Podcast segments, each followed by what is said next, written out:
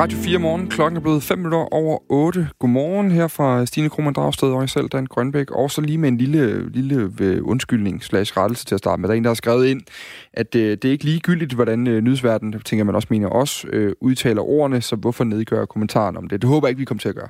Øh, det var omkring det med politiet eller politiet.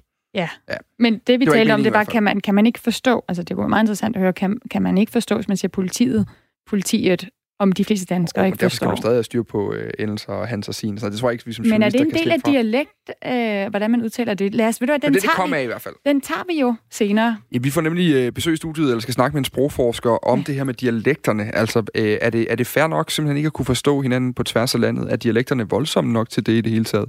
Og hvor stort er det her forståelsesproblem egentlig? Det øh, håber jeg, at vi kan få svar på et par af spørgsmålene hos øh, Michael Ejstrup, vi skal tale med øh, lidt senere, som også gerne plejer at være god for lige, og øh, han kan i hvert fald det der med sprog, så der kan vi jo tjekke endelser med ham også i hvert fald. Så skal vi også tale med Enhedslisten. Øh, Vi har Rosa Lund, øh, retsordfører i Enhedslisten, igennem lidt senere, fordi at øh, Enhedslisten mener nu, at politiet skal have en specialenhed, der kan bekæmpe hadforbrydelser begået mod minoriteter.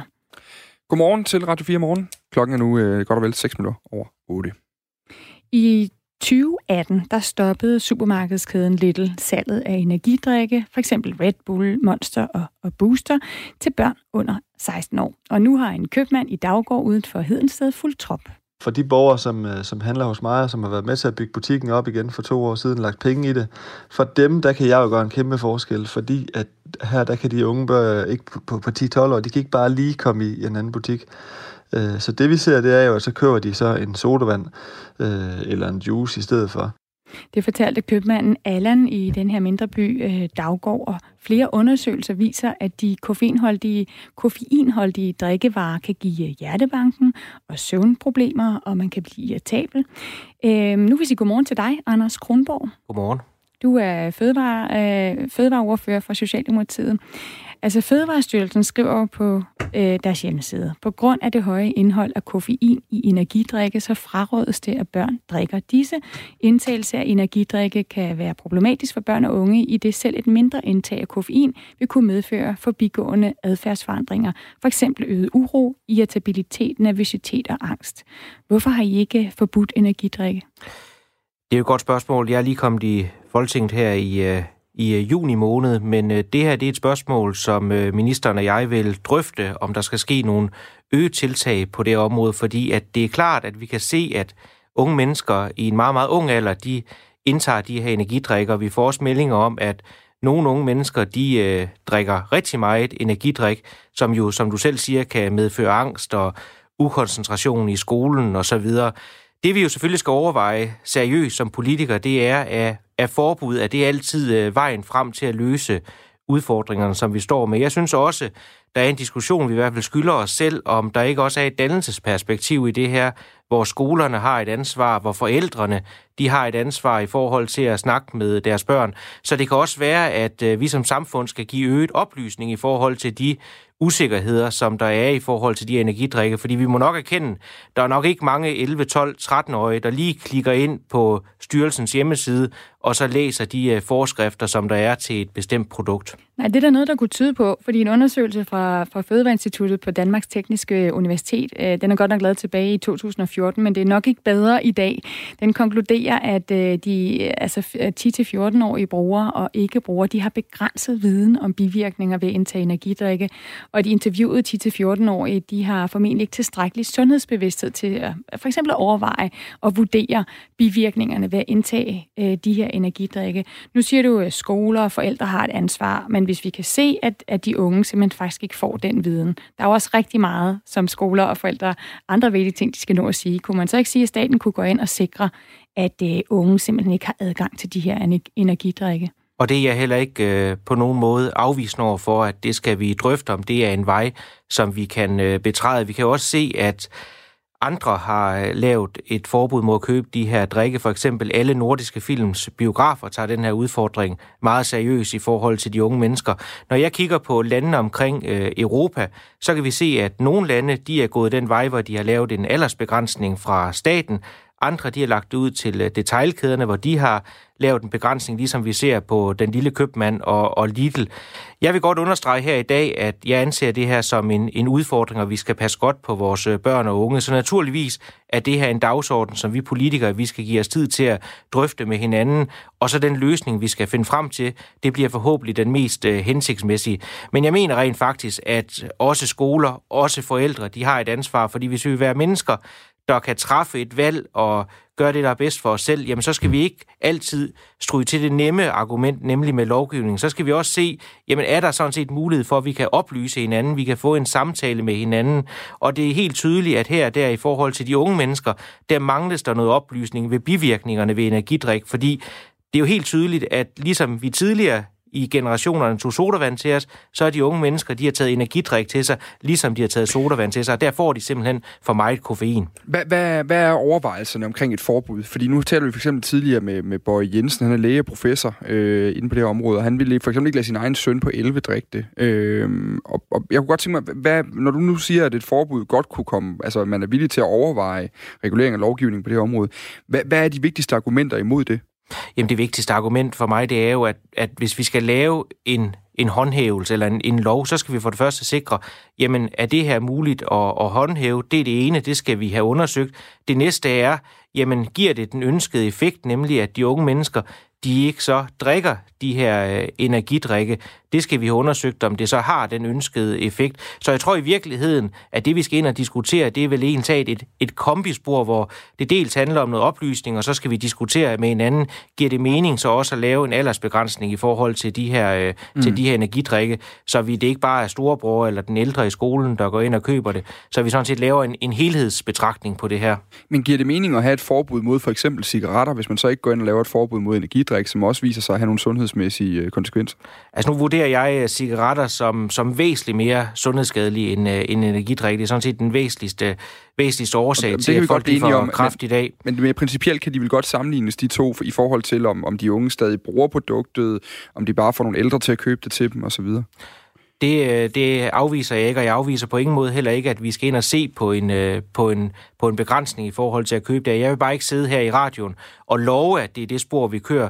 Det, jeg vil love her i radioen, det er, at den her problematik, den vil vi tage meget seriøst. Jeg vil selv personligt drøfte det her med ministeren, og jeg anser også, at vi skal drøfte det med de andre partier i Folketinget, fordi det er klart, sporene i forhold til de tal, der er, øh, i forhold til de unge mennesker, selv fortæller, og når en købmand lige frem går ud og laver sin egen regulering i forhold til, at han også mister indtjening på det her, så siger det jo mig, at der er en udfordring, som vi politikere vi skal tage seriøst, og vi skal kigge på. Mm. I kan jo skrive ind til os, hvad, hvad I synes. Sidder der andre købmænd derude og, og øh, er, blevet, er blevet bedt om af forældrene, øh, om de ikke lige kunne tage energidrikken af hylderne, øh, og vil de så for eksempel også tage slikket og sodavand øh, mm. lidt væk, så skriv ind til os på, på 1424 og, og start jeres besked med R4. Tak for din holdning, Anders Kronborg. Det var slet. Fødevareordfører for Socialdemokratiet. Undersøgelsen, som øh, Fødevareinstituttet på DTU lavede i 2014, viser altså, at de 10-14-årige ofte drikker energidrik, når de spiller computer. Aha, og, øh, så, har... så kunne det faktisk være interessant at vide, om der er flere drenge, der drikker det her end piger. Og, øh, nu, kører du, nu glemmer du alle ligestillingstingene, Stine. Computer, det er lige så meget for piger, som det er for drenge. Det siger jeg ikke noget om, men jeg tror, at der er flere drenge, der sidder og bruger tid på at spille computerspil. Sundhedsordfører fra De Radikale skriver til os øh, på forhånd her, at øh, i Radikale Venstre er de opmærksomme på området, men mener ikke, at der på nuværende tidspunkt er grundlag for yderligere lovgivning. De vil i stedet fokusere på oplysning og indskærpe advarslerne på området. Politiet skal have en specialenhed, der kan bekæmpe hadforbrydelser begået mod minoriteter. Det mener enhedslisten, og det er jo altså dig, Rosalund. Godmorgen. Godmorgen. Du er retsordfører i enhedslisten. Lad os lige starte med at få på plads. Hvordan forstår du en hadforbrydelse? Jamen, øh, en hadforbrydelse er jo en forbrydelse, der bliver begået mod en på baggrund af ens religion, på baggrund af ens seksualitet, på baggrund af ens køn. Mm. Og hvorfor er det nødvendigt med en helt særlig politienhed til at håndtere den her type anmeldelser? Jamen det er det, fordi politiet ikke håndterer det øh, godt nok i dag. Det er både et udtryk for ressourcer, men det er også et udtryk for, at de simpelthen ikke har nok uddannelse i det. De simpelthen ikke har nok viden om det. De ikke har de nødvendige redskaber. Og det øh, vil vi gerne løse i enhedslisten, fordi det skal være sådan, at øh, uanset hvad for en religion man har, så skal man kunne gå frit på gaden. Så handler det i virkeligheden mere om, at politiet skal have flere ressourcer? Det handler om, øh, jeg tror, at der er et generelt ressourceproblem i politiet, og derfor er jeg rigtig glad for, at der er sat så mange penge af til forhandlingerne om politiforliget. Men det her, det handler altså også om, at vi står over for en helt særlig udfordring her. Vi har jo øh, de sidste par dage diskuteret meget antisemitisme i Danmark. Og det er sådan, at de nyeste tal viser, at øh, i 2018 var der 26 overfald på jøder på baggrund af, at de var jøder. Det er jo 26 for mange, og det er vi nødt til at sætte ind over for. Og nu, der, som du er allerede inde på, så er der jo ellers sat nogle penge af. Der er sat 1,2 milliarder kroner af på finansloven for 2020 til det kommende politiforlig, som altså er det, der ligesom sætter rammerne for, for politiet og anklagemyndigheden over de kommende år. Ja. Altså, politiet har noget erfaring i forvejen med i hvert fald, og, øh, og nu nævner du selv omkring det her med, med jøder. De her hate crimes, der var i efteråret, handlede jo blandt andet om, øh, om herværk på en jødisk øh, gravplads ved Randers. Det handlede mm. om maling på flere steder. Altså, det er jo herværk, kan man sige. Så er der selvfølgelig noget, noget motiv for efterforskning bagefter. Men, men, men politiet er jo vant til at have med herværk før gør i forvejen. Hvad er det for nogle, nogle kompetencer, du gerne vil have, øh, have prioriteret yderligere hos politiet nu? Jamen, det er desværre sådan, at på politiuddannelsen er undervisningen i øh, forbrydelser begået på baggrund af diskrimination, altså på baggrund af de her øh, ting om køn og, og seksualitet og religion, det er blevet skåret meget ned. Det vil sige, at de nyuddannede betjente, som kommer på gaden, de har faktisk et mangel her. Altså, der er nogle ting her, som de ikke bliver undervist i. Det vil vi for det første gerne opprioritere. Men for det andet, så er der altså behov for specialviden på det her område ude i politikredsene. Og derfor så synes jeg, øh, og synes enhedslisten, at det ville være godt at lave en specialenhed, så vi er sikre på, at de ressourcer, der bliver sat af til de her ting, også bliver brugt på bekæmpelse af højforbrydelser. Men, men når vi så ser de her eksempler her, altså det er bare for at sige, altså har, har, hvor underprioriteret har det været, fordi vi har jo mange år set forskellige eksempler på hadforbrydelser, udover at det så er stedet lige præcis på det jødiske område her nu. Altså har det simpelthen været underprioriteret i, i politiet tidligere? Det er desværre ikke kun stedet på det jødiske område, det er også stedet på, på andre områder. Mm. Det er bare fordi, nu har vi diskuteret det her rigtig meget med antisemitisme, og det synes jeg er så vigtigt. Men jeg synes også, det er vigtigt, at vi sætter handling bag ordene. Og, og derfor mener vi i enhedslisten blandt andet, at politiets indsats skal opprioriteres. Det vil jo komme til at kræve 50 millioner kroner at implementere det her forslag, og, og politiet er i forvejen meget øh, presset på, på ressourcer, har været det i noget tid. Er, er det realistisk, at I vi kunne finde så stort et beløb i forhandlingerne? Øh, det er i hvert fald det er et oplæg til forhandling. Det, der er vigtigt for os i enhedslisten, det er, at vi sætter ind over for de her ting, og vi giver, at vi selvfølgelig giver politiet de nødvendige ressourcer til at gøre det. Men, men, men det er bare ret vigtigt der, fordi blandt andet så var der historier om i efteråret, at man begyndte at snakke om, hvor mange penge, der skulle sættes af til politiforliget. Eller dengang lød det, at den første milliard øh, var bare for at sørge for, at politiet kunne fortsætte på nuværende vilkår. Så, så, så kan man sige, så hurtig hovedregning, så er der 200 millioner at lege med derudover. Hvor, hvorfor prioriterer det her vigtigere end mange steder i landet, hvor man oplever, at indbrud er et problem, øh, man oplever nærpolitiet, har vi væk, har vi også lavet historier om. Altså, kan du, kan du forklare det? Jamen, øh, jeg synes faktisk lige de to ting, du nævner der, det er jo noget af det, som ikke skal prioriteres væk. For mig er det klart at se, at der er nogle ressourcer, som politiet bruger i dag, som skal bruges anderledes. Det er blandt andet de ressourcer, som bliver brugt på grænsen, og de ressourcer, som bliver brugt på døgnbemanding på Christiania, som jeg mener er fuldstændig spild af tid. Altså, øh, en af de andre ting, der har været fremme øh, i forhold til politi og ressourcer for nylig, det er jo, at, at, øh, at politiet simpelthen ikke tager imod anmeldelser, hvis de ikke synes, at forbrydelsen er alvorlig nok øh, for eksempel indbrud øh, på, en, på en parkeringsplads. Altså anmeldelser af det, der siger politiet, jamen det er simpelthen ikke, hvis det ikke er til fare for personer, så det er ikke alvorligt nok. Er vi ikke så langt nede i behovspyramiden, når vi taler ressourcer til politi, at, at sådan en specialenhed, den kommer lidt højere oppe? Skal I ikke først sikre, at vi simpelthen bare når et rimeligt niveau, når vi taler helt almindelige forbrydelser? Jamen, jeg vil da sige, at en hadforbrydelse jo desværre er blevet en almindelig forbrydelse. Det er jo et overfald eller øh, herværk, som kommer på baggrund af ens religion eller ens seksualitet. Og nu er det sådan i Danmark, at der har vi faktisk ret til at være dem, vi er at tro på det, vi vil. Og det er selvfølgelig politiets opgave at håndhæve det. Så jeg mener faktisk, der er et behov her, og jeg synes, øh, jeg synes I opsætter en lidt, øh, en lidt falsk præmis, må jeg sige. Øh, for jeg har sådan set lige kommet med eksempler på, hvor det er, at politiet ikke skal bruge ressourcer. Mm. Udmærket. Vi har, vi har, men ikke desto mindre, så øh, man kan kalde det en falsk præmis, men der er også en, der skriver ind her øh, til os, Rosalund, skriver, i skrivende stund af Rigspolitiet ved at afskede 250 personer. Det er altså ikke en, det er en information, der kommer fra en lytter, det er ikke en, vi har kunne verificere lige, lige nu så hurtigt. Øhm, så der skriver han, der er ikke hadforbrydelser nok til, at alle kredse skal have en enhed at efterforske hadforbrydelser øh, bekæmper det jo ikke være med at forebygge. Øh, hvis vi tager det med forebyggelse til sidst, altså øh, hvis vi gerne vil undgå, at der er hadforbrydelser i fremtiden, er det så det rigtige sted at ligge det hos øh, politiet, som jo står for efterforskningen, når, når det er sket? Jamen, jeg synes altid, at man skal forebygge. Derfor foreslår vi også i enhedslisten, og har foreslået mange gange, at der skal være mere undervisning i blandt andet menneskerettigheder, men sådan set også øh, i, i, øh, i den historielærer, der findes om, om jødeforfølgelse, altså de forfærdelige ting, som jøderne gennem historien har været udsat for, at det skal der være undervisning i i folkeskolen. Så for mig at se, udelukker, udelukker det ene ikke det andet, altså øh, en opprioritering hos politiet og forebyggelse. Det sagde altså retsordfører i enhedslisten, Rosa Lund. Tak fordi du kunne være med.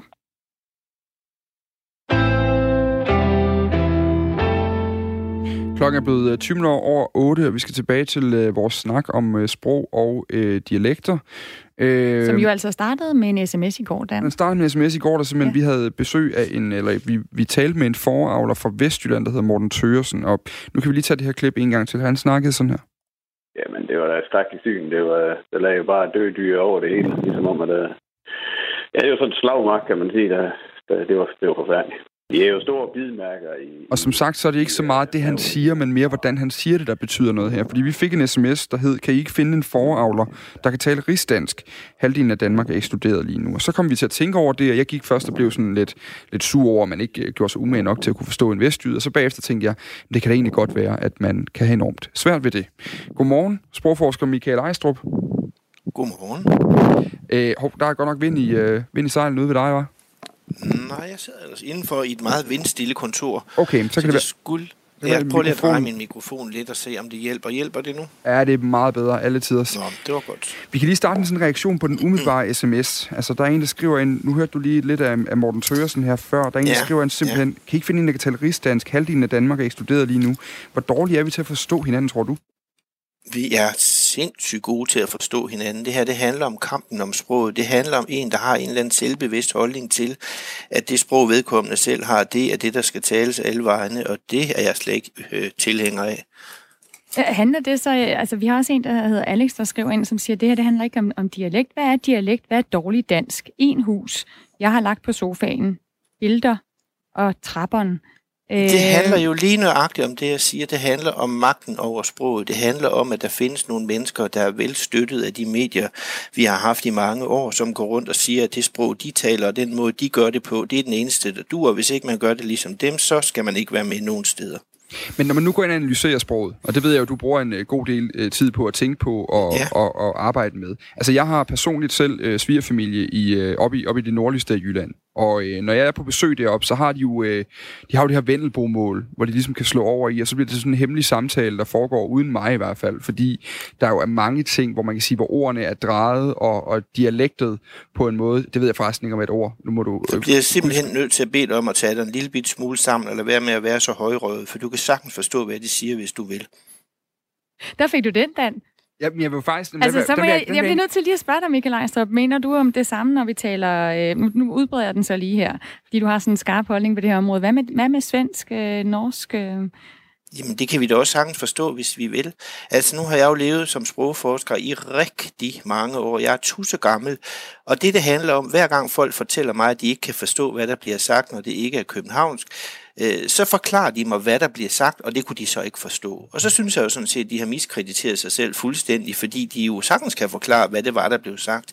Det, det handler om, det er, at de brød sig ikke om, at det blev sagt på den måde, det blev sagt. Mm det er jeg sådan set ligeglad med. Det må de leve med. Det må de se at komme over og tage en tudekiks. Men har, har, du, har du aldrig oplevet, at forståelsen kan være svær? Fordi, fordi jeg vil jo gerne gå så langt som at sige, jeg synes, jeg er relativt... Jeg er selv opvokset på Fyn, så flyttede jeg til Jylland. Jeg kan ret godt lide jysk, og jeg har det med at slå over i alle mulige ting, når jeg taler på alle mulige måder med alle mulige mennesker. Men jeg synes jo faktisk, at der kan være dialekter, som er så tunge, at det kan være svært at forstå. De er ikke spor tunge. Det handler om, at medierne i de sidste 50 år har ekskluderet dem fuldstændig og aldeles. Men, men, de har sat tekster på alle ting. De har sat tekster. jeg ikke kan forstå det. Jamen, så må du simpelthen til at komme ind i kampen og tage dig sammen og lære at forstå det. Altså, Fordi det, hvis, hvis det, du, du gerne vil omgås din svigerfamilie, det, det, det er, så må du simpelthen ind i kampen.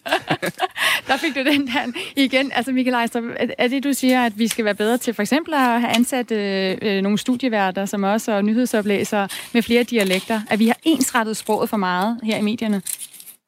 I har ikke ensrettet sproget for meget. I har ikke gjort andet end at ensrette sproget de sidste 50 år. Og nu bider det sig selv i halen, og sådan er det. Og det må I se at komme ind i kampen og gøre noget ved. For jeg tror, at dialekt det kommer til at vinde mere frem, end det nogensinde har gjort. Hvorfor tror du det? Fordi der er en kæmpe interesse for det. Nordjyderne er begyndt at lave kurser i nordjysk. Det kunne du for eksempel gå på. Bornholmerne laver kurser i Bornholmsk, og det er overtegnet for de unge mennesker på Bornholm, som gerne vil gå på kursus i at kunne tale Bornholmsk. Vi har ikke nogen særlig stærke følelser for DR og deres sprog. Vi har stærke følelser for de øh, steder, vi kommer fra, og de mennesker, vi kan lide. Og DR's øh, overtagelse af dansk som det eneste, der dur. Det er det, man taler mellem Østerbro og Svanemøllen. Det dur ikke. Nu, nu kan men, vi ikke lige tage... Jeg kan godt simpelthen lige komme ind på noget her, fordi, fordi jeg kan jo sagtens købe dit argument. Altså, jeg kan sagtens købe øh, argumentationen om, at vi i mange år, ligesom når vi, når vi lyttede på fjernsyn og så skuespillere og alle mulige andre, så, så var det en bestemt meget ren type. Meget nu taler du i datid. Det skal du ikke gøre. Nej, du kan roligt tale i nutid. Jeg vil bare rigtig gerne have lov til at tale. Det er sjældent, man åbner op for en linje på den måde, og så aner man ikke, hvad det var, der ramte en, før man er i gang, var. Hvad hedder det? Jeg vil gerne lige øh, Øh, gøre det færdigt, fordi fordi i sidste ende kan konsekvensen jo alligevel godt være, uanset hvad, hvad, hvad baggrunden så er, så kan konsekvensen jo godt være, at jeg simpelthen har svært ved at forstå det i dag, og måske skal så skal på et kursus og bare skal tage mig sammen, det er muligt. Men er vi et sted lige nu, hvor vi har altså, stadigvæk har et forståelsesproblem, så fordi vi har gjort noget forkert i mange år? Ikke for ikke set med mit, ud fra mit synspunkt, fordi hvis folk vil ind i kampen og, og gerne vil forstå det, og lade være med at vil vinde kampen over sproget, øh, så kan de sagtens forstå, hvad der bliver sagt. Men hvis vi nu, det, det er hvis, min oplevelse. Det jamen, kan de sagtens. Men hvis nu finder en rigtig, rigtig sød, lad os bare sige 20-årig øh, ung øh, mand eller kvinde fra København, som mega gerne vil, som er øh, umage og som godt kan lide øh, jysk også, men, og vi så sætter øh, vedkommende øh, helt op i Nordjylland, helt op til Vendelbo-målet, og helt ud til Hirtshals måske endda, hvor der er en fisker, der virkelig taler det, og ikke har talt andet end Vendelbo-mål i mange år. Altså, har vi så ikke en udfordring der, vil, uanset hvor gode jo, intentioner man... har, Jo, jo, vedkommende har en udfordring, som vedkommende så må tage op, fordi det modsatte, det ville jo så være dem fra Vendelbo, eller dem fra, fra Vendsyssel, de skulle gå på et kursus for at lave og tale Københavns, fordi den 20-årige så skulle kunne forstå den. Det kommer ikke til at ske. Michael Ejstrup, vi har også en, en lytter, der har skrevet ind, som hedder Alex, som siger, jeg er med på, at den store majoritet er glad for dialekter. Jeg er vokset op med dem. Vestjysk, var han så. Og jeg kan ikke udstå dem, da det har svækket mit dansk generelt. Ligge og lægge, for eksempel. Jeg var vel omkring 20 år, da jeg opdagede ordet øh, lægge, at det findes. Hvad siger du til det? Ja, der, der vil jeg jo sige til, at han har gået på en meget, meget, meget, meget, meget, meget, meget mystisk skole, fordi øh, jeg er selv opvokset med vestjysk, og snart faktisk altid vestjysk nok er kommet til. Og nu er jeg jo i radio, så vil jeg allerhelst gøre det. Jeg har aldrig haft problemer med at finde ud af at leve og leve. Det hedder nøjagtigt det samme med vestjysk, som det, det har bare en anden udtale fremragende, det der. Ganske enkelt fremragende, Michael Ejstrup. Jeg kunne godt tænke mig lige at øh, komme ind på noget, fordi jeg har jo også oplevelsen af, at øh, altså nede på Fyn, hvor vi jo gerne synger på tingene, og så kører vi bare derude af, og så, så er der ikke noget der. Der kan vi jo godt komme til Nordjylland, og så er min oplevelse nogle gange, at man ikke bare har ændret de ord, vi alle sammen bruger, man har simpelthen indført lidt sine egne nogle gange. Og det kan jo også være noget, det der gør det svært at ligesom kunne være med i en samtale, hvis ens ordforråd er, er, er, er, er hvad kan man sige, er bagud der fra start af. At, er, er der nogle dialekter, der på den måde kan være sværere end andre? Det kommer an på, hvor udgangspunktet er. Jeg har ellers sværest ved København, for jeg synes, det er den mest mærkelige dialekt, vi har, for det er den, der er længst væk fra min egen. Har du svært ved at forstå mig, Michael, Michael Ejstrup? Det, det, det har jeg jo lært mig at skule, men dengang jeg var lille, synes jeg, at du var svær at forstå end min mor. Der er altså også en lytter her, der, der jeg, jeg tror, at, at du vil være enig i, øh, hvad han eller hun skriver ind. Øh, der findes simpelthen vigtigere ting at brokke sig over end et enkelt yeah. radioindslag med en dialekt. Selvfølgelig skal vi kunne forstå hinanden. Hvis man ikke forstår dialekterne, så kan man ikke tillade sig at brokke sig over vedkommende. Øhm, så, Fuldstændig enig. Ja. Og jeg synes jo gerne, jeg vil anbefale, at man går ind på, som man siger i et ord punktum nu, og det var som man siger i et ord, punktum nu. Der ligger podcast, og der ligger alt muligt materiale om, hvordan danskerne ser på sprog, og hvordan magten er fordelt i sprog, og der ligger alt muligt spændende materiale, man kan selv være med.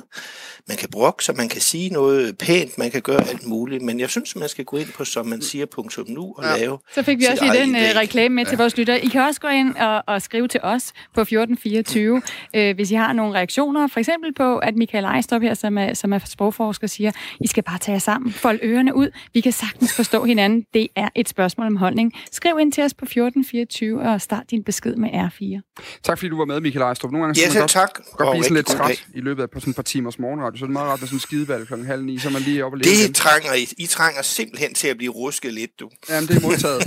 Vi sender ja. Den over til en, der taler væsentligt mere rent end øh, både os øh, og øh, mange andre. Øh, Dagmar Du var lige Østergaard, ved at sige med Michael. Ejstrup, men ja, det tør turde jeg du ikke. ikke lige nu. Åh, oh, undskyld Dagmar. Er du klar? Jeg er så klar. For Danmark vil nemlig for første gang i 12 år bruge den såkaldte miljøgaranti over for EU. Det sker for at fastholde de danske regler om tungmetallet cadmium i handelsgødning, fortæller Miljøminister Lea Wermelin. Miljøgarantien giver EU-lande mulighed for at søge om at beholde eller indføre nationale regler på visse områder på trods af fælles EU-regler.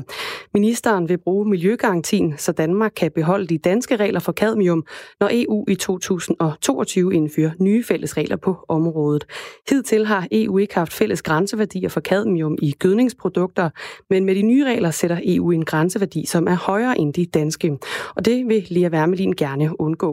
Det vil jeg, fordi vi selvfølgelig ikke skal slække på danske regler, som giver os en bedre beskyttelse end de fælles regler, som nu er på vej i EU. Den nuværende grænseværdi på 48 mg cadmium per kilo fosfat er fastsat i en dansk bekendtgørelse fra 1989 om cadmiumindholdet i handelsgødning, som bruges i landbruget. EU's nye grænseværdi bliver på 60 mg.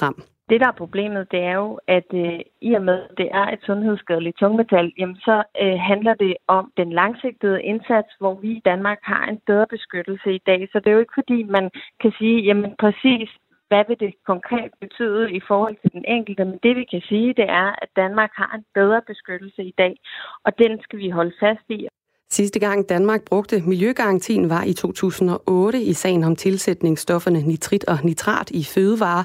Siden Danmarks indtræden i EU er miljøgarantien hidtil kun brugt fire gange af Danmark.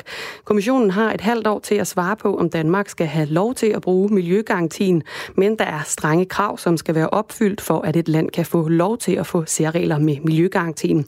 Blandt andet skal landet videnskabeligt bevise over for EU, at særreglerne er nødvendige. Cadmium indtages via fødevarer og gennem rygning, og Miljøministeriet oplyser, at omkring 5% af voksne danskere indtager mere cadmium gennem kosten end det sundhedsmæssigt forsvarlige. For bare 10 år siden var Kina afhængig af våben fra andre lande, men det har ændret sig markant ifølge tænketanken SIPRI, Stockholm International Peace Research Institute. For Kina har overhalet Rusland som verdens førende våbenproducent efter USA. Det fremgår af en ny rapport fra tænketanken. Vi kan med sikkerhed sige, at Kina er den næststørste våbenproducent i verden efter USA og foran Rusland. De er ikke længere afhængige af våben fra andre lande, siger Nantian, der er medforfatter til rapporten. Det understreges i rapporten, at manglende åbenhed gør det svært at sætte præcise tal på Kinas våbenproduktion, men finansiel information om fire af landets store producenter mellem 2015 og 2017 gør det ifølge SIPRI muligt at danne et pålideligt skøn for omfanget af produktionen. SIPRI estimerer, at Kina årligt producerer våben for mellem 70 og 80 milliarder dollar, og at størstedelen sælges til det kinesiske militær. Belgiens tidligere kong Albert den anden indrømmede mandag, at han er far til en datter, der er resultat af en affære, som han havde for et halvt århundrede siden. Indrømmelsen kommer efter en DNA-prøve, som han blev tvunget til at tage for knap et år siden, og den har vist sig at være positiv. Den tidligere konge har indtil nu konsekvent nægtet at være far til kvinden, der er den belgiske kunstner, 51-årige Delphine Boelle. Men i en erklæring mandag erkender den 85-årige ekskonge Albert, at han er hendes biologiske far. Han forklarer samtidig, at han har besluttet at stoppe en pinefuld faderskabssag, som har stået på siden 2013. Delphine Boelle har de seneste to årtier hævdet, at Albert er hendes far. Og med de ord tager vi et kig på vejret fra DMI til slut. Først på dagen overskyet med ret udbredt regn mange steder, men det klarer efterhånden lidt op fra sydvest, men der kommer altså stadig byer flere steder. Temperaturerne de lander omkring 5 graders varme.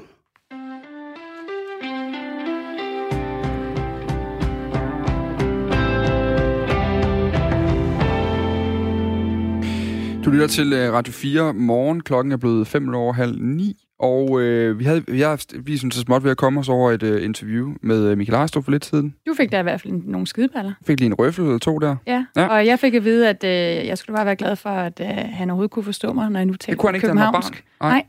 Jeg kunne godt tænke mig, hvis du gerne vil høre det her, så smut lige en tur ind. Det er et meget godt øh, tidspunkt for lige at sige, at efter udsendelsen, så bliver den jo også lagt ud som podcast. Der kan man gå ind og høre et interview som det. Det ligger altså klokken cirka 20 over 8, hvis du går den vej. Der er også øh, holdninger til øh, den gode Michael Ejstrup inde på øh, sms'en. Øh, der er en her, der skriver, at det ikke super højrøvet at fjerne menneskers ansvar for at gøre sig forståelige øh, som han, øh, så er der så, er der et citat her, hvor han skriver, hvis du ikke comprehender mit lingo, er det dit issue. Det er sådan rigtigt, det lyder som noget, du kunne have sagt, Stine, lige efter du har kommet hjem fra oh, USA. No, no, det der, no, no. Ja. Nå, øh, så er der også andre, der øh, synes, at øh, den gode sprogforsker i øh, citationstegn øh, var ikke for klog. Tydeligt, han ikke kunne fordrage København og håber, han bliver det jyske. Det tror jeg jo helt sikker på, han, han jeg, gør. Jeg følte mig okay behandlet. Jeg kommer fra København, men... Øh 1424 er sms-nummeret. Du må meget gerne være med i snakken og i samtalen og i debatten og i diskussionen og alt muligt andet, vi laver her i radioen. Du skal starte starte din sms med R4, når du skriver til os. Og nu må du også gerne, når det handler om den her næste historie, vi skal tale om, netop den med øh, de mange får, der i øjeblikket bliver dræbt, og hvor det er ulve, der mistænkes at stå bag.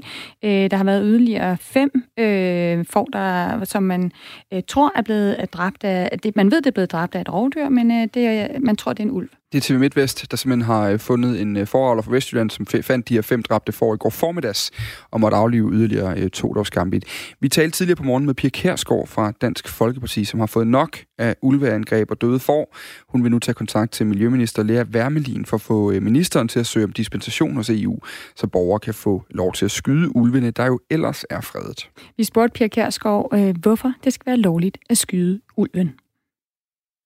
Vi ser jo med jævne mellemrum, eller hører med jævne mellemrum netop om de ting, som lige er blevet beskrevet her, at uh, ulve har været på spil.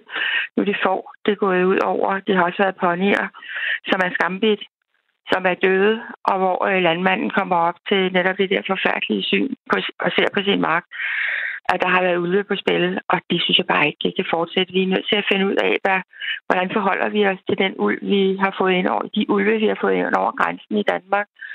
Og jeg mener jo ikke, at Danmark overhovedet er et ulveland. Vi er et lille bitte land, øh, og har ikke haft det problem før, men nu har vi det altså, og hvordan forholder vi os så til det? Det her EU-direktiv, vi taler lidt om, det, det siger jo altså, at ulvene de er jo så beskyttet, de skal have maksimal beskyttelse, og øh, de skal være en alvorlig trussel mod mennesker, før der må sættes øh, ind mod ulven. Hvis man nu tager det her som, som en case, altså ligesom ulven over for foråret, så kan man sige, at vi har, øh, hvis man skal være kynisk på det her område, så kan man sige, at vi har mange får, de er ikke udrydningstroede. Det er ulven. Øh, hvorfor er et fors liv så vigtigere end, end ulvens?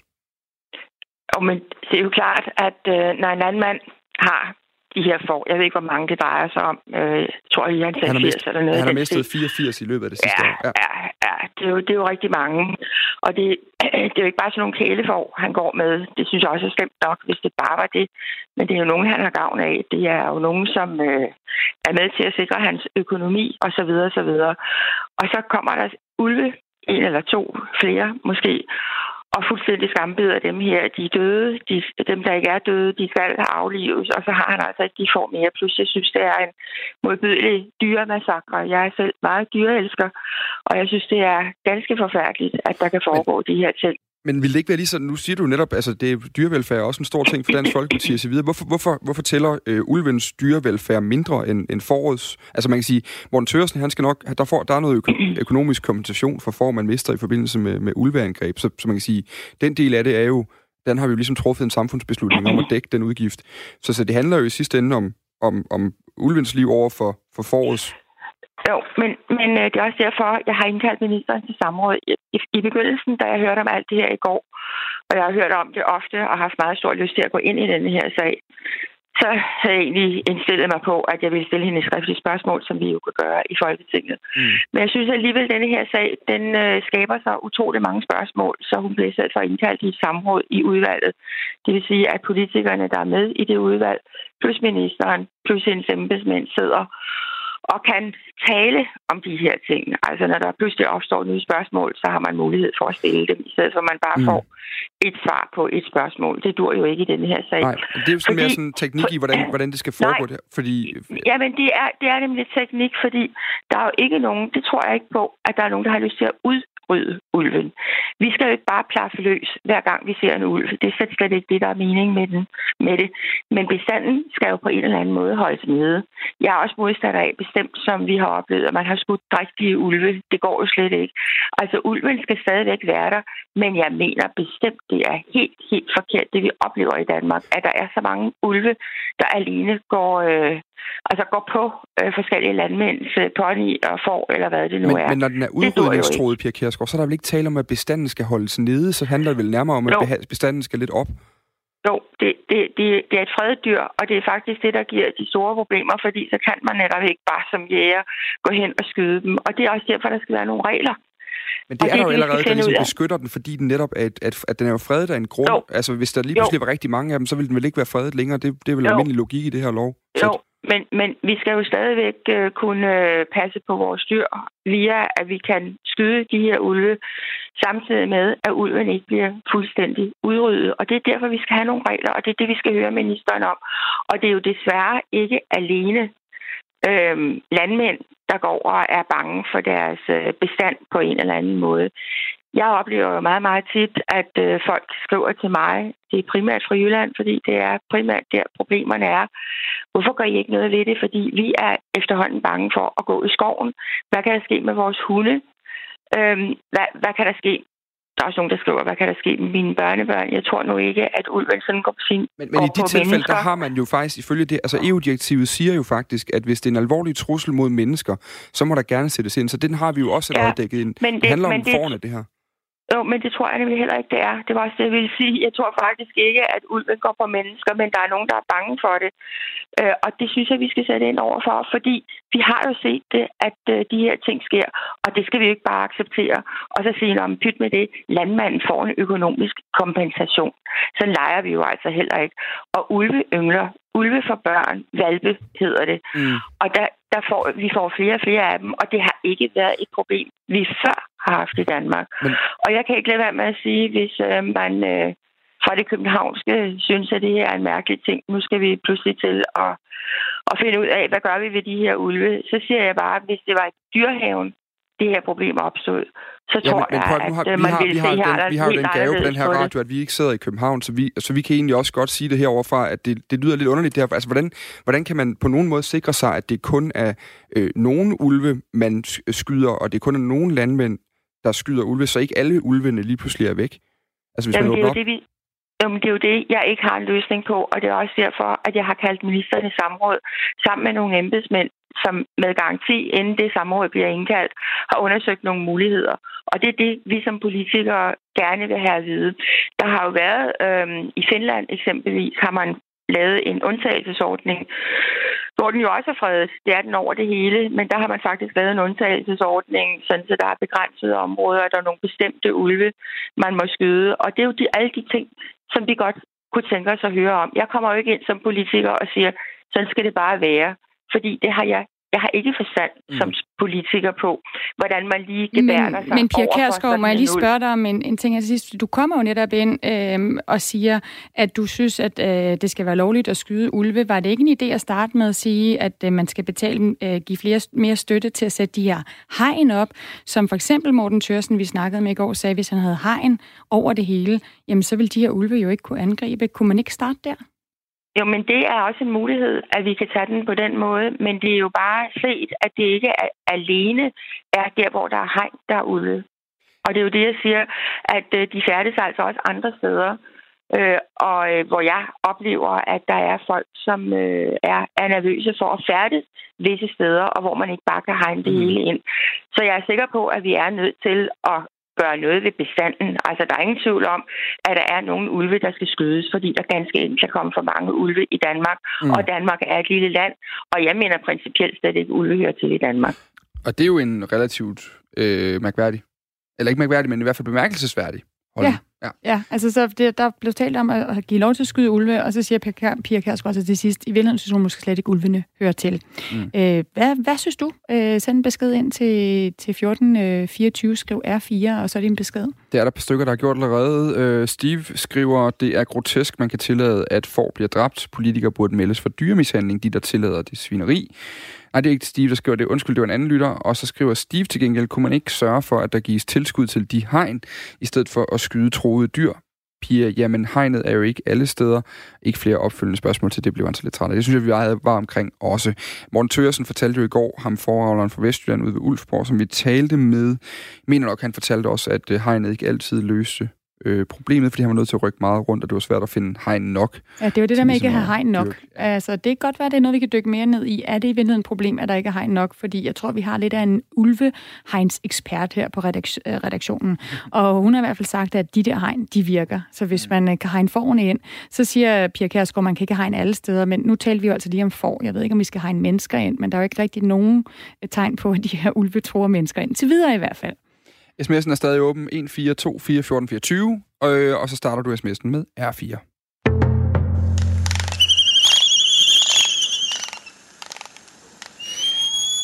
Ui, det er en høj, høj lyd i mit øre, Dan. Skal vi lige have den igen? Nej, jeg ved ikke helt. Den god, den sidste der. Ja. Æ, det her det er lyden af en ny spion. Den kan bevæge sig med over 80 km i timen. Den har et vingefang på sådan godt 3 meter. Den kan, hvis den vil, vel at mærke, tilbringe et år på havet uden at røre land altså overhovedet. Et år? Et år og så kender den havet som sin egen bukselomme. Det er en albatros, Stine. Ja. Skal vi tage lyden igen, så har du den øh, kode til næste gang. Ja, tak. Godmorgen.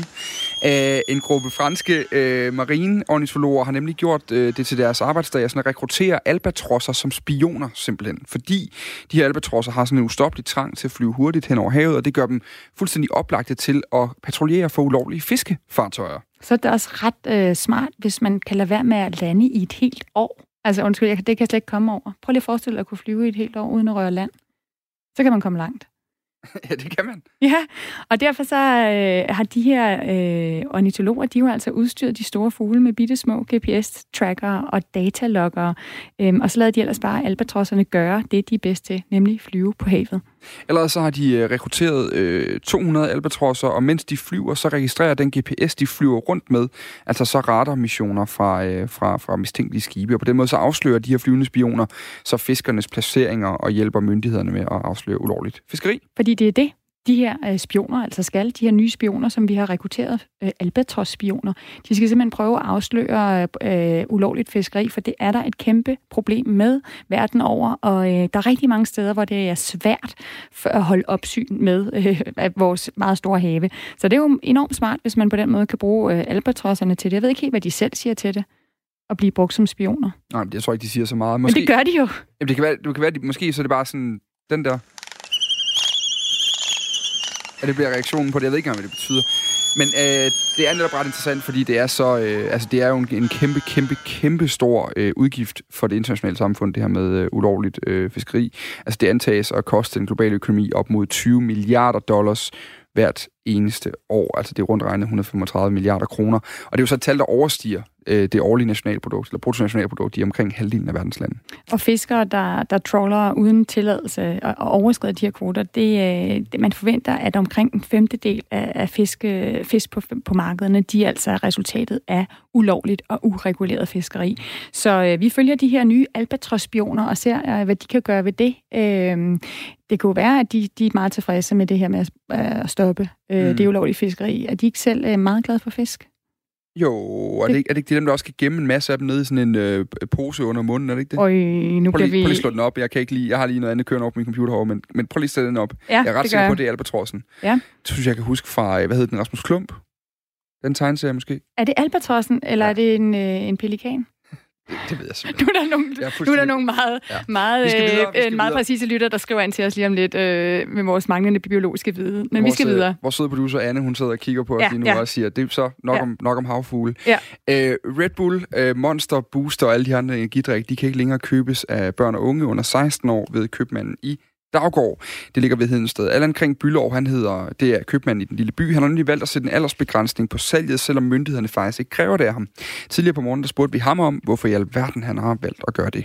Jamen, det har jeg jo gjort, fordi jeg fik en henvendelse før sommerferien fra en af mine egne kunder, som har børn på øh, Daggaard skole, den lokale skole, som ligger lige ved siden af os. Øh, og der har man oplevet øh, børn helt ned i 10-12 års alderen, som, øh, som i stigende grad er, er nede og hente energidrik eller har været nede og hente energidrik hos os. Øh, så den henvendelse fik jeg i sommer, og, og den har vi så øh, arbejdet på at få implementeret, og det har vi egentlig startet lidt i sommer, men, men sådan først for alvor fået gjort noget sådan rigtig ud af det nu her. Øh, så, så det er 100% på baggrund af, af, af, af, en kundehenvendelse, og, og, og den hvad kan man sige, den øh, uro, der har været blandt forældrene i, øh, på de klassetrin uh, i forhold til deres børns sundhed osv. Mm. Vi kan lige sige, at DTU's øh, Fødevareinstitut øh, for en, undersøgelse fra 2016 viser, at øh, 42 procent af de børn og voksne, der drikker de her energidrikke, altså det her med de her koffeinindholdige drikke, de har oplevet bivirkninger. Det kan for eksempel være hjertebanken, har for svært ved at sove, blive irritable, nervøse eller, eller angste. Øhm, Allan Kring Bylov, altså købmand i Daggård, øh, tror du, at du som enkelt købmand kan gøre noget for at ændre de unges vaner? Altså flytter, går de ikke bare ned øh, i den nærmeste nærmeste, øh, hvad ved jeg, netto, øh, og køber den her Red Bull?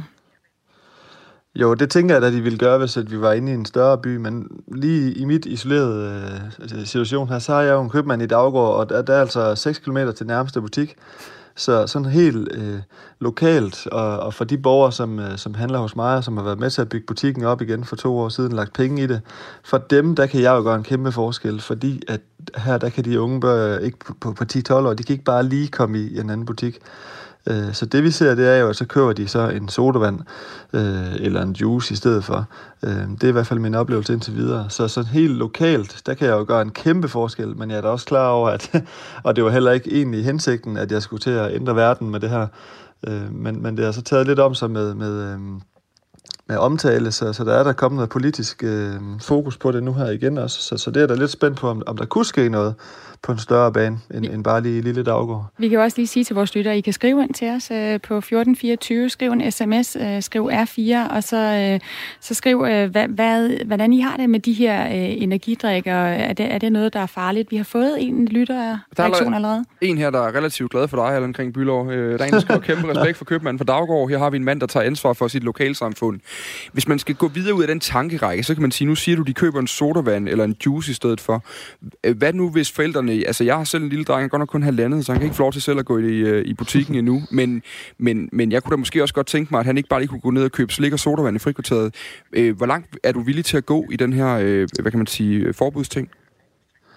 Jamen, jeg er villig til at gå lige så langt, som, som, øh, som, som de borgere og de kunder, øh, vi har lokalt. Så, så hvis der kommer nogle forældre og siger, kan du ikke lige sørge for, at vores børn heller ikke går ned og køber slik? Vil du så også sætte en aldersgrænse på 16 sodavand. slik? Så, så tager vi i hvert fald en dialog omkring det. Altså, jeg tror ikke, vi kommer derhen, øh, men, men det er klart, at vi tager en dialog omkring det, fordi at vi, vi, altså, vi er, man skal forstå vores situation. Vi er en lille bitte købmand uden en lille bitte by. Hvis ikke at vi øh, er der for vores, øh, for vores borgere og for vores kunder, øh, så lever vi ikke ret længe. Så, så når de kommer med noget, så tager vi det op. Og hvis de kommer med den øh, i forhold til slik og sodavand, så tager vi den op og, og tager en dialog omkring det. Det skal selvfølgelig være mere end, end bare en enkelt forælder, der synes, det er en dårlig idé. Øh, men hvis det sådan over en bred kamp er et eller andet, det er jo det samme, hvis de gerne vil have noget, nogle andre produkter i butikken, så kommer det også ind. Øh, så på den måde, så, de, så spiller de meget ind i, øh, i, i, hvordan vi skal drifte vores købmand. Det gør de virkelig. Det fortalte Allan Kring Bylover, som altså er købmand i Daggård ved Hedensted. Og forældrene til børn i landsbyen Daggård er altså ikke de eneste, der ikke vil have, at deres unge under 16 øh, skal drikke energidrikke. Tidligere på morgen, der snakkede vi nemlig også med læge og professor Bøje Eli Jensen fra Kardiologisk Forskningsenhed på Syddansk Universitet, og spurgte ham, om han ville være tryg ved, at hans egne børn drak energidrikke. Jeg har en, der går i 3.G. Det, det kan jeg godt se øh, ved særlige behov. Jeg drikker også selv nogle gange til misbrugsniveau kaffe, så det vil være svært at sige, at hun ikke må drikke det. Øh, jeg har også en på 11 år. Jeg, jeg kan ikke se, at han under nogen omstændigheder skulle drikke det. Det vil jeg være lidt nervøs ved faktisk. Så det vil jeg ikke bryde mig om. For ifølge Bøje L. Jensen, så har energidrikkene ikke nogen gavnlige effekter. Det har ikke nogen som sådan gavnlige effekter, og, øh, og, og kan have en lang række bivirkninger og uønskede virkninger, lige fra det, som I lige har talt om med, at øh, det kan være svært at sove til øh, ubehagelig hjertebanken, og så kan det måske hos nogen, det er det, der diskuteres meget, øh, som har en medfødt hjertefejl eller en, en arvelig øh, rytmeforstyrrelse i hjertet. Hos dem kan det måske udgøre en, en særlig risiko. Men for, for flertallet må vi sige, øh, er det ikke forbundet med nogen fare at drikke en, energi, en, en energidrik. Det er heller ikke på nogen måde øh, gavnligt, det kan man ikke sige øh, ernæringsmæssigt eller øh, på anden måde. Bare lige for at få noget omfang på, så kan vi sige, at en undersøgelse, som Fødevareinstituttet på DTU har lavet i 2014, viser, at 13 procent af de 10-14-årige drikker energidrik. Det vi taler om her til morgen, Borg Jensen, det er jo det her med, at man skal begrænse det. Altså en ting er, at man skal begrænse salget, men, men bør unge under 16 begrænse deres indtag af, af energidrikke? Ja, du mener sådan af frivillighedens vej? Øh, Jamen, det er ja, i hvert fald, man kan altid diskutere målet, eller hvad metoden, men, men bør målet være, at de drikker mindre af det? Ja, som en, øh, som en tørstslukker og en egentlig sådan læskedrik, der, der, er der kan man intet godt sige om det. Øh, så det synes jeg bestemt, man skal gøre. Altså det er en drik, som indeholder alt for meget sukker i forhold til anbefalingerne, og som indeholder noget centralstimulerende opkvikkende, som, som svarer til tre kopper kaffe i sådan en lille en. Øh, og det synes jeg ikke, der er nogen grund til, at 10- og 12-årige børn øh, skal drikke. Men ifølge fødevareordfører i Socialdemokratiet, så er det ikke nødvendigvis lovgivning, der skal laves om på, eller der skal lave om på de unge forbrugere af energidrik. Han hedder Anders Kronborg, det fortalte han også lidt tidligere. Det her det er et spørgsmål, som øh, ministeren og jeg vil drøfte, om der skal ske nogle øget tiltag på det område, fordi at det er klart, at vi kan se, at unge mennesker i en meget, meget ung alder, de indtager de her energidrikker. Vi får også meldinger om, at nogle unge mennesker, de øh, drikker rigtig meget energidrik, som jo, som du selv siger, kan medføre angst og ukoncentration i skolen og så videre. Det vi jo selvfølgelig skal overveje seriøst som politikere, det er, at, at forbud, er det altid øh, vejen frem til at løse udfordringerne, som vi står med. Jeg synes også, der er en diskussion, vi i hvert fald skylder os selv, om der ikke også er et dannelsesperspektiv i det her, hvor skolerne har et ansvar, hvor forældrene de har et ansvar i forhold til at snakke med deres børn. Så det kan også være, at øh, vi som samfund skal give øget oplysning i forhold til de usikkerheder, som der er i forhold til de energidrikke, fordi vi må nok erkende, der er nok ikke mange 11, 12, 13-årige, der lige klikker ind på styrelsens hjemmeside, og så læser de øh, forskrifter, som der er til et bestemt produkt. Nej, det er der noget, der kunne tyde på, fordi en undersøgelse fra, fra Fødevareinstituttet på Danmarks Tekniske Universitet, øh, den er godt nok lavet tilbage i 2014, men det er nok ikke bedre i dag. Den konkluderer, at øh, de altså 10-14-årige brugere og ikke-brugere, de har begrænset viden om bivirkninger ved at indtage energidrikke, og de interviewede 10-14-årige, de har formentlig ikke tilstrækkelig sundhedsbevidsthed til at for eksempel at overveje og vurdere bivirkningerne ved at indtage øh, de her energidrikke. Nu siger du, at skoler og forældre har et ansvar, men hvis vi kan se, at, at de unge simpelthen faktisk ikke får den viden, kunne man så ikke sige, at staten kunne gå ind og sikre, at øh, unge simpelthen ikke har adgang til de her energidrikke? Og det er jeg heller ikke øh, på nogen måde afvisende over for, at det skal vi drøfte om. Det er en vej, som vi kan øh, betræde. Jeg vil godt understrege her i dag, at jeg anser det her som en, en udfordring, og vi skal passe godt på vores øh, børn og unge. Så naturligvis er det her en dagsorden, som vi politikere vi skal give os tid til at drøfte med hinanden. Og så den løsning, vi skal finde frem til, det bliver forhåbentlig den mest øh, hensigtsmæssige. Men jeg mener rent faktisk, at også skoler, også forældre, de har et ansvar, fordi hvis vi vil være mennesker, der kan træffe et valg og gøre det, der er bedst for os selv, jamen så skal vi ikke altid stryge til det nemme argument, nemlig med lovgivning. Så skal vi også se, jamen er der sådan set mulighed for, at vi kan oplyse hinanden, vi kan få en samtale med hinanden, og det er helt tydeligt, at her der i forhold til de unge mennesker, der mangles der noget oplysning ved bivirkningerne ved energidrik, fordi det er jo helt tydeligt, at ligesom vi tidligere i generationerne tog sodavand til os, så er de unge mennesker, de har taget energidrik til sig, ligesom de har taget sodavand til sig, og der får de simpelthen for meget koffein. Hvad, hvad, hvad er overvejelserne omkring et forbud? Fordi nu taler vi for eksempel tidligere med, med Bøje Jensen, han er læge og professor øh, inde på det her område, og han ville for eksempel ikke lade sin egen søn på 11 drikke det. Øh, og, og jeg kunne godt tænke mig, hvad, når du nu siger, at et forbud godt kunne komme, altså man er villig til at overveje regulering og lovgivning på det her område, hvad, hvad er de vigtigste argumenter imod det? Jamen det vigtigste argument for mig, det er jo, at, at hvis vi skal lave en, en håndhævelse eller en, en lov, så skal vi for det første sikre, jamen er det her muligt at, at håndhæve? Det er det ene, det skal vi have undersøgt. Det næste er, jamen giver det den ønskede effekt, nemlig at de unge mennesker, de ikke så drikker de her øh, energidrikke. Det skal vi have undersøgt, om det så har den ønskede effekt. Så jeg tror i virkeligheden, at det vi skal ind og diskutere, det er vel egentlig et, et kombispor, hvor det dels handler om noget oplysning, og så skal vi diskutere med hinanden, giver det mening så også at lave en aldersbegrænsning i forhold til de her, øh, mm. til de her energidrikke, så vi det ikke bare er storebror eller den ældre i skolen, der går ind og køber det, så vi sådan set laver en, en helhedsbetragtning på det her. Men giver det mening at have et forbud mod for eksempel cigaretter, hvis man så ikke går ind og laver et forbud mod energidrikke? Energidrik, som også viser sig at have nogle sundhedsmæssige øh, konsekvenser? Altså nu vurderer jeg øh, cigaretter som, som væsentligt mere sundhedsskadelige end, øh, end energidrik. Det er sådan set den væsentligste, væsentligste årsag Jamen, til, at folk godt får om, kræft men- i dag. Men mere principielt kan de vel godt sammenlignes, de to, i forhold til, om, om de unge stadig bruger produktet, om de bare får nogle ældre til at købe det til dem, osv. Det, øh, det afviser jeg ikke, og jeg afviser på ingen måde heller ikke, at vi skal ind og se på en, øh, på en, på en begrænsning i forhold til at købe det. Jeg vil bare ikke sidde her i radioen og love, at det er det spor, vi kører.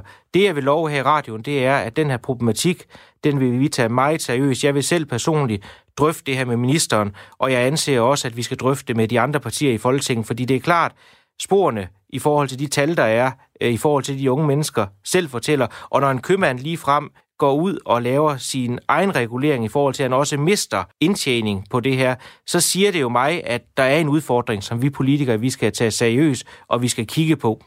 Sagde Anders Kronborg, fødevareordfører i Socialdemokratiet. Og vi er meget tæt på klokken 9, og Dagmar Iben Østergaard står klar øh, med nyhederne. Jeg skal bare lige hurtigt sige, Dan, du bad mig om at slå op, om, øh, om det er en albatros, der kan gemme en masse i næbet. Og det er en pelikan. Øh, også den, som mange af os jo er den første, vi ligesom har- stødt på, det er fra Rasmus Klum, Pelle Pelikanen. Og til allersidst vil jeg bare lige sige, en pelikan kan overhovedet heller ikke gemme noget i næbet, desværre. Jeg har simpelthen lige slået det op. Den sluger festene med det samme. Så øh, øh, I skal lige holde jeres børn for ørerne, selvfølgelig, det skulle jeg lige have sagt. Ja, jeg ødelægger, ja. øh, inden for alt, for, inden jeg ødelægger det for alt for mange. Ja, når Stine- man læser Rasmus Klump. Præcis. Stine Grumman Dragsted og Dan Grønbæk takker af for i dag. Vi er tilbage i morgen tidlig kl. 6. Nu er der nyheder med Dagmar Iben Østergaard.